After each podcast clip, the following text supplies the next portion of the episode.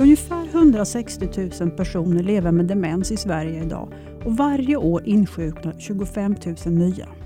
Man räknar med att antalet kommer att ha tredubblats fram till år 2050 och än så länge saknar vi bot mot sjukdomen. Demens är faktiskt inte en sjukdom utan flera olika sjukdomar som orsakas av skador på hjärnan. ett vanligt symptom är att man får problem med minnet. Alzheimers sjukdom är den vanligaste demenssjukdomen och står för ungefär 60-70 procent av fallen.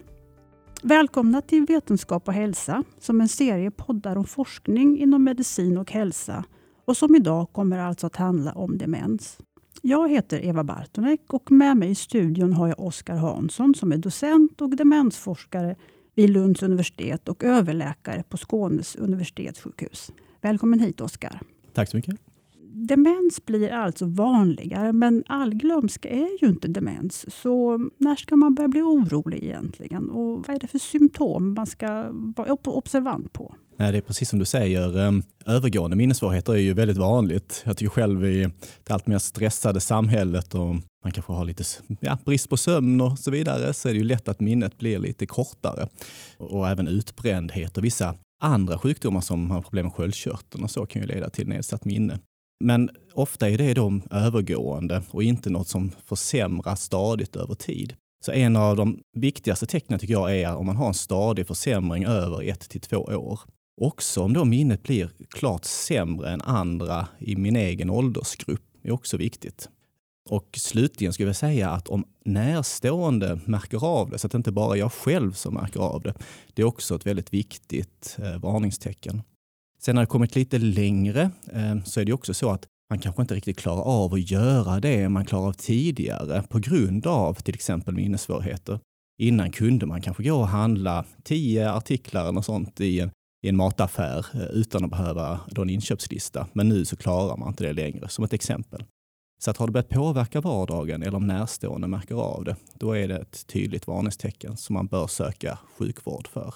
Så hur går det till när man ställer en demensdiagnos? Ofta söker man till sin vårdcentral och träffar sin distriktsläkare i första hand. Han eller hon tar ju upp en sjukhistoria och frågar vilka symptom man har. Och det här är det också viktigt att man inte bara pratar med den som är drabbad utan även närstående faktiskt och få in deras kunskaper eller åsikter i ämnet. Sen gör man ofta lite tester av hur fungerar minnet och lite andra tankefunktioner som till exempel språk, den språkliga funktionen och så. Sen brukar man alltid göra någon typ av eh, bildanalys, till exempel en röntgenundersökning eller magnetkameraundersökning av hjärnan. Och det är i första hand för att hitta botbara orsaker. För ibland kanske man har fått någon typ av blödning eller en godartad tumör eller något sånt som man kan åtgärda. Så den typen av analys gör man då eh, ofta. Sen är det relativt ofta att man på vårdcentralen kanske inte riktigt kommer hela vägen till en säker diagnos. Och då kan ju distriktsläkaren välja att remittera en vidare till en specialistklinik som är specialintresserad av minnessjukdomar eller demenssjukdomar.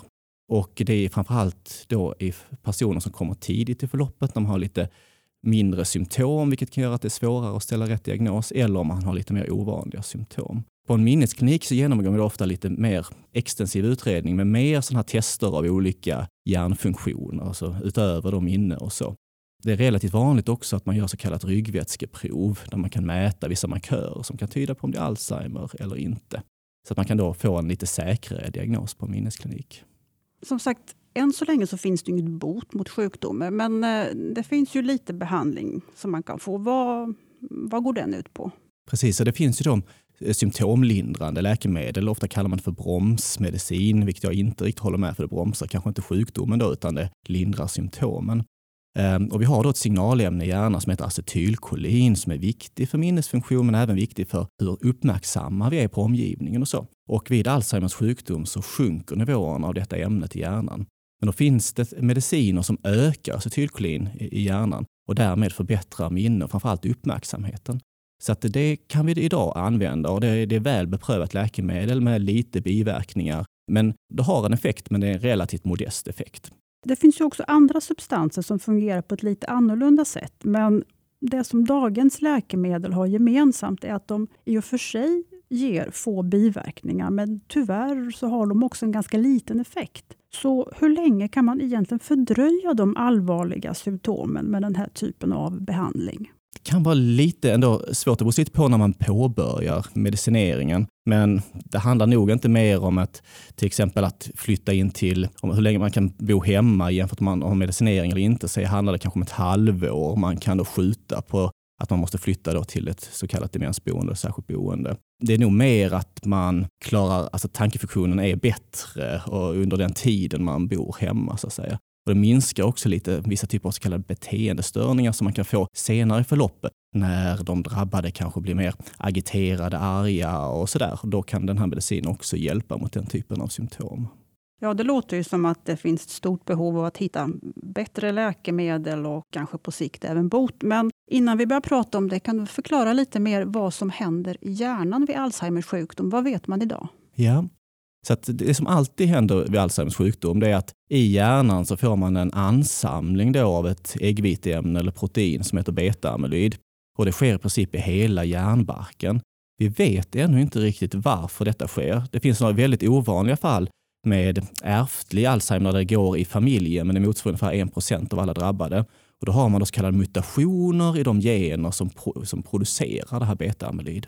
Eh, men ah, varför det drabbar liksom de som inte har de här mutationerna, det vet vi ännu inte idag. Det som vi har sett och många andra forskargrupper är att detta verkar ske 10 20 år innan man får några symptom. Så att det verkar vara som beta-amyloid drabbar stora delar av hjärnbarken och sen går man med det i några decennier innan hjärnan bryta, börjar brytas ner. Och det som händer där när hjärnan, liksom, nervcellerna inte riktigt klarar av att fungera längre, det är att vi har fått ansamling av ytterligare ett äggviteämne eller protein som heter tau. Och exakt kopplingen till beta-amyloid tau, den förstår vi inte riktigt ännu. Men när tau börjar eh, då ackumulera då, eller ansamlas så sker det framför allt då i så kallade tinningloberna som är just de regionerna som är väldigt viktiga för minnet. Och när det händer så fungerar inte nervcellerna och man får då dåligt minne. Hur långt har man kommit i forskningen när det till exempel gäller att, att eh, ställa mm, bättre, tidigare diagnoser och eh, mm, för att ge en bättre behandling? Hur långt har man kommit? Där tycker jag faktiskt vi har kommit väldigt långt och det har varit väldigt viktigt också. Vi kommer att diskutera lite sen då, behandlingar. Tidig diagnostik har varit lite nyckeln för att kunna få nya behandlingar också, men även för att förbättra sjukvården redan idag. Och vår forskargrupp, men även andra, har då visat att man kan mäta just de här ämnena beta-amyloid och tau i, i ryggvätska och då kan vi faktiskt se vilka personer som till har lättare minnesvårigheter som har en väldigt hög risk att få Alzheimers demenssjukdom senare i livet och risker som inte har risk. Man kan till och med använda dem hos friska äldre för att se vilka som senare har hög risk för Alzheimer eller inte. Och de här markörerna används redan idag på minneskliniker runt om i hela Sverige. Så att eh, de kan inte tas på vårdcentralen men däremot på minneskliniker. Det har även kommit fram eh, teknik som kallas för PET-kamera där man kan visualisera då just beta-amyloid och nu faktiskt även tau. Beta-amyloid kan man visualisera redan idag i klinisk rutinsjukvård. Tau är bara i forskning. Men det finns också tillgängligt på minneskliniker idag. Och med hjälp av de här teknikerna så får man en klart säkrare faktiskt diagnostik, framförallt i de tidiga skedena av sjukdomen. Handlar det alltså om att ställa diagnos så tidigt som möjligt för att kunna börja behandla mycket tidigare. Men du har ju också berättat för mig att de här markörerna som finns i ryggvätskan används vid läkemedelsutveckling. Kan du förklara lite mer kring hur, hur det går till? Det som har varit under de senaste tio åren är att utöver de här symptomlinjande läkemedlen som har försökt hitta då läkemedel som verkligen tar bort de ämnena som orsakar sjukdomen för att då kunna bromsa, till och med stoppa sjukdomen. Ehm, och en av de mest ehm, kanske lovande terapierna har varit att man har bildat så kallade eh, antikroppar mot beta-amyloid. Så de tar sig in i hjärnan och sen tar de bort beta-amyloiden. Och då börjar man sådana studier på patienter med Alzheimers sjukdom men som då var dementa. Och de har visar sig att de kan ta bort beta-amyloid till viss del, men patienterna blir inte bättre.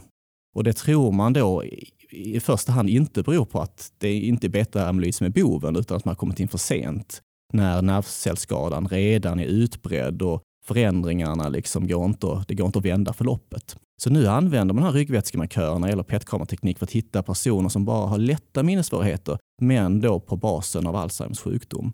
Och så testar man nu om de här läkemedlen fungerar i den tidiga fasen istället. Det finns till och med två studier i USA nu där man tar in friska äldre som har beta-amyloid ansamling i hjärnan men ännu inga symptom överhuvudtaget för att se om vi ger behandling till dem kommer vi se till att de aldrig får Alzheimers sjukdom.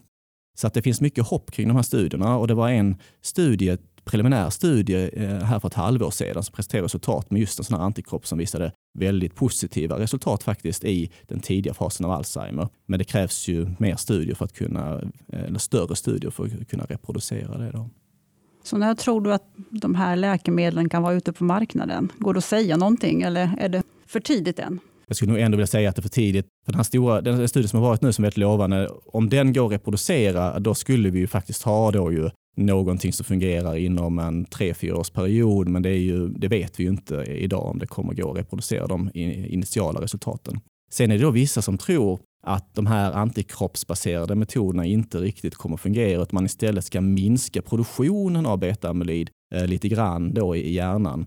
Och jag kan själv delvis tro att det kan vara en väldigt smart idé att man kanske drar ner betamidproduktionen med 20-30 procent. Men då är det kanske så att man måste starta tio år innan man får symptom. Det är lite liknande som att man ska sänka blodfetterna liksom, i medelåldern liksom, för att hindra senare insjuknande då i, i hjärtinfarkt och andra kardiovaskulära sjukdomar så kanske det är så att man i framtiden ska sänka mängden beta-amyloid från medelåldern då med någon liksom, ja, biverkningsfri terapi då och att man tar det under lång tid för att skydda att man aldrig då drabbas av den här sjukdomen. Mer som en preventiv åtgärd snarare än att man behandlar när man redan har drabbats av symptom.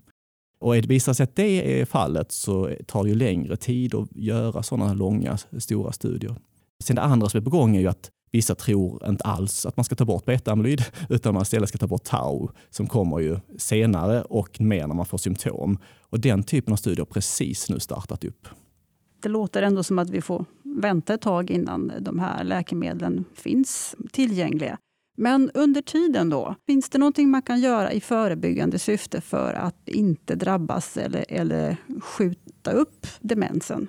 När det gäller demens så är det precis som du sa, är ju inte bara Alzheimers sjukdom utan det är relativt vanligt att man har till exempel utöver Alzheimers, de här förändringarna beta tau, också vaskulära förändringar i hjärnan. Har man både och så fungerar hjärnan givetvis sämre. Och sen finns det de som bara har vaskulära förändringar som leder då till demens. Och det finns ju mycket bevis för att en sund livsstil liksom, med, med, eh, med bra motion och äta rätt och så vidare skyddar mot framförallt de vaskulära förändringarna. Kanske idag inte finns det så mycket bevis för att det skyddar mot Alzheimer, men kan man åtminstone minska de här vaskulära förändringarna i hjärnan så minskar man risken för demens och symptom. Så det tror jag är, är väldigt eh, viktigt eh, att komma ihåg. Men att minska just risken för Alzheimer, där är det snarast att eh, man har visat att, att man är väldigt aktiv intellektuell i livet och så och håller igång mentalt som kanske kan vara skyddande där.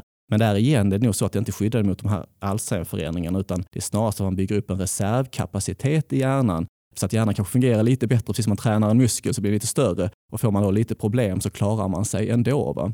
Så att tillsammans med, med mental aktivitet och fysisk aktivitet och äta rätt så, så kan man ju skydda sig mot eh, att få symptom vid, eh, vid olika demenssjukdomar. Så för att sammanfatta det hela så är det egentligen det gamla vanliga receptet. Motionera, ät rätt och lös gärna korsord. Med det kommer vi ändå ganska långt skulle jag vilja säga, absolut. Tack Oskar Hansson för att du ville komma hit. Ja, tack så mycket. Fokus så här långt har legat på den drabbade patienten. Men nu ska vi alltså byta perspektiv och försöka se det från de anhörigas sida.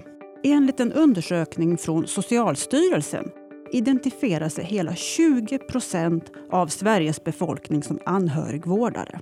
Och även om inte alla av dessa anhöriga vårdar personer med demens så kan vi räkna med att gruppen kommer att växa i takt med en allt äldre befolkning. Så nu har vi bjudit in Bett Dahlrup som är vårdutvecklare vid Region Skåne, demenssjuksköterska, men som också forskar kring de anhörigas situation. Välkommen hit. Tack. Du disputerade förra året med en avhandling vars övergripande mål var att studera de anhörigas börda hur det påverkar livskvaliteten och hur den här bördan kanske kan minskas. Och I en av dina studier så delade du in de anhöriga i grupper efter diagnosen på de personer som de vårdade. Och Då kunde du se att de som vårdade dementa och eh, personer med depression hade den tyngsta bördan. Varför? Det kan man ju bara spekulera i, för så långt gick ju inte vår studie. Men jag kan ju då tänka mig att om man vårdar någon med den typen av sjukdomar som det innebär, framförallt då demens som ju är välstuderat, så vet vi att det är en arbetsam situation för båda naturligtvis. Eh, det är ett långvarigt förlopp. Det är en sjukdom som inte går att bota, men går att behandla. Eh, men det är ju i alla fall så att man har ett scenario framför sig som är långt och där personen med demenssjukdom kommer att bli allt sämre och ställa allt större krav på mig som anhörig att ta över en massa uppgifter. När någon har fått diagnosen demens, hur reagerar man som anhörig? Finns det några typiska reaktioner? Återigen från min erfarenhet då, eh, så kan man ju säga att eh, många, alltså man reagerar med sorg naturligtvis som vid alla budskap som är förknippade med ett långvarigt lidande för båda. Man, man ser naturligtvis en dyster framtid. De flesta gör det och tänker hur ska detta gå? Och kommer han eller hon att bli... Hur, hur sjuk blir man och hur mycket hjälp kommer vi att få och var får vi hjälpen? Vad är demens? Vad är Alzheimers sjukdom? Trots att det är en vanlig sjukdom så vet allmänheten inte alls så mycket som till exempel om man talar om cancersjukdom eller hjärt-kärlsjukdom. Det är det ena. Eh, anhöriga säger också ibland att det är en lättnad att få ett besked för att man har kanske levt med en person som man ser sviktar under en längre tid och det kanske inte har känts sådär att man vill direkt söka för det av många olika anledningar. För att det kanske går över, det tillfället han är trött och vad det nu kan vara. Men många säger också att det är en lättnad för att man får förklara för kanske barnen då att det jag berättar för er är inte något som jag hittar på utan det är faktiskt på detta sättet. Så det är nog både en lättnad men naturligtvis en oerhörd sorg. Har man några skyldigheter som anhörig alltså vad gäller vårdsituationen? Nej, det har man inte. Trots att du, du börjar ju med, inledde med att 20 procent av, av befolkningen i Sverige över 18 år vårdar någon. Men enligt lagen så har vi inga skyldigheter att vårda våra, våra anhöriga. Såvida att de har fyllt 18 år. Man ska ju vårda sina barn, men nej, man har inte det. Det avskaffades för 60 år sedan. Vart vänder man sig när man hamnar i en sån situation? Ja, det bästa är ju om man i samband med utredning och diagnos får hjälp där. Om man nu befinner sig på en minnesklinik eller inom primärvården. Att man får hjälp att få information om vad har kommunen att erbjuda. Och kanske ett namn, ett eh, telefonnummer, en broschyr kring detta. Även om inte man behöver det just då, som oftast är tidigt i sjukdomen, så har man i alla fall tryggheten att veta när jag behöver hjälp, vart ska jag ta vägen? För det här är ju ingen allmän kunskap som finns hos medborgarna. Jag tänkte att vi skulle prata lite om din forskning nu. Mm. Eh, och dina studier de bygger på datainsamling från bland annat någonting som heter MIND som står för Malmö interventionsstudie för närstående med demens. Kan du förklara vad det är för någonting? Eh, där följer vi eh, 308 personer med demens och deras anhöriga i fem år. Det blir, det blir sen tio år eftersom det är en stor grupp. Halva gruppen av de här 308 anhöriga erbjöds då att delta i en stödgrupp som bestod av undervisning, information och sen att, att träffas i grupper för att få stöd av en kurator. Och den andra gruppen fick då ingenting. Det är den som vi jämför med, eller som vi kallar för kontroll. Eh, och de här båda grupperna fick då fylla i enkäter var sjätte månad, båda grupperna. Och sen har vi då jämfört eh, svaren från grupperna för att se vad har vi för effekter av stödet. Hur påverkades till exempel livskvaliteten hos de här mm. anhöriga? Min kollega Signe Andrén gjorde en studie före min och där kunde hon se att anhöriga som hade fått stöd upplevde en lägre börda i sitt anhörigskap och också en bättre tillfredsställelse efter det att de hade fått det här stödet. I din avhandling så tittade du på förmågan hos de anhöriga att skatta symptomen. Mm. Vad, vad, såg du där? Ja, jag kunde se att um, i den gruppen av anhöriga som hade fått stöd, där blev man mycket mer observant på symptom.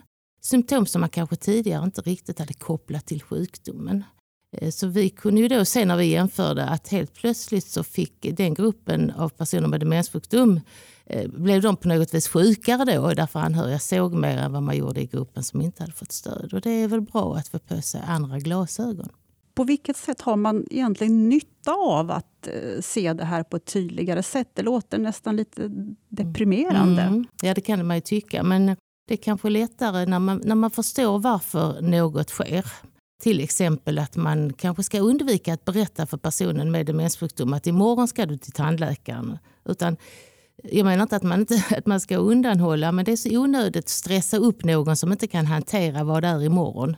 Utan att man mer tänker sig nuet. Och det tror jag man lärde sig som anhörig här. Att det är kanske bra att inte ligga fyra steg före utan bara liksom vara i nuet. Till exempel. Sen vet jag att du i din studie, i, din, i ditt avhandlingsarbete också tittade på eh, den alltså, ekonomiska biten, eller om det faktiskt lönade sig att erbjuda anhöriga mm. den här mm. typen av utbildning. Vad såg du där?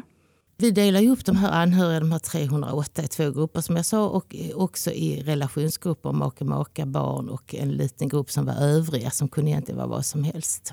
Vi kunde se att makar som hade fått stöd de hade mindre hemtjänst men samtidigt flyttade man också personen med demenssjukdom tidigare till ett ordinärt boende än gruppen som inte hade fått stöd av maka maka. När det gäller barn var det precis tvärtom. Barngruppen eh, som hade fått stöd de eh, vårdade sina föräldrar hemma längre. Och om man då tänker sig att eh, nu var det cirka 4,5-5 månader, men om man tänker sig att en vårdboendeplats då kostar cirka 600 000 om året per person. Så om man kan skjuta upp en flytt fem månader så är det en stor samhällsekonomisk vinst om man nu bara tittar på det. Vi kunde också se att anhöriga som hade fått stöd hade en mycket bättre skattning av sin livskvalitet. Och det var både, både barn och makar i, i stödgruppen. Vad vi framförallt kunde se det var att, att makar som inte hade fått något stöd skattade sin livskvalitet mycket lågt. Och det var efterflytt till boende. Så att, eh, det finns dels en ekonomisk aspekt men också en livskvalitetsaspekt som säkert har ekonomiska konsekvenser någonstans det låter som om att eh, en sån här utbildning gör stor nytta. Mm. Men eh, erbjuds den till anhöriga så att säga till vardags? Eller var det bara de som ingick i studien som fick den här hjälpen? Ja, nu gjorde vi ju denna före 2010 och 2009 kom det en eh, lagändring i socialtjänstlagen som säger att kommunerna är skyldiga att erbjuda stöd till anhöriga. Och det har ju hänt mycket, tack och lov.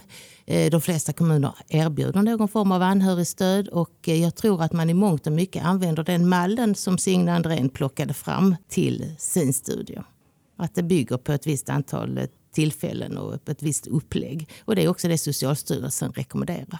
Personer med demens har ju lätt för att bli oroliga, kanske aggressiva eller upprörda på något annat sätt. Har du några handfasta råd som du skulle kunna ge till anhöriga hur man så att säga, bemöter en person med demens för att inte i onödan utlösa den här formen av reaktioner? Mm. Ja, först ska man, ska man tänka på att anhöriga, eller personer med demens som reagerar, reagerar på någonting. Och den, reaktionen är rätt, men man reagerar på ett annat sätt. Det är något svar på en omgivningsfaktor som inte man kan styra. Det är bra att ligga steget före. Det är bra att förstå att personen med demenssjukdom, när, det, när man reagerar så gör man det därför det har hänt någonting. Och, och om man bara kan kartlägga vad är det som gör att han blir upprörd och vad är det som gör att, att, att detta händer så kanske man kan undvika det. Därför personen har minnesproblem, har svårt att klara praktiska saker, har svårt för att orientera sig både bildligen och bokstavligen, alltså både i geografin och i sig själv. Och det skapar naturligtvis jättemycket svårigheter. Man kanske blir misstänksam för man har glömt var man har lagt saker och ting. Och här gäller det som anhörig att försöka förstå detta och undvika situationer som stressar. Och istället göra, tänka vad är det som gör att, att eh, pappa eller maken blir glad? När mår personen bra? Och så satsa på det. Ha trevligt, skratta mycket. Göra det som är lustfyllt. Tack Bette Dalerup för att du ville komma hit. Tack. Du har lyssnat till en poddserie om forskning som produceras av redaktionen vid Aktuellt om vetenskap och hälsa. Inspelningsproducent George Godfrey, Skånes universitetssjukhus. Mer information finns på vetenskaphalsa.se. Du kan också följa oss på sociala medier.